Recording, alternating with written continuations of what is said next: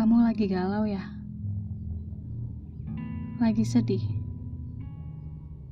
Lagi patah hati? Atau lagi kecewa? Mau curhat tapi gak tahu ke siapa? Kamu gak mau orang sekitar kamu ngerasain kesedihan kamu. Daripada dipendam sendiri, sini cerita bareng aku Fitri dalam podcast Narasi Hati. Berbagi kisah hati ke hati sebagai upaya penyembuhan hati.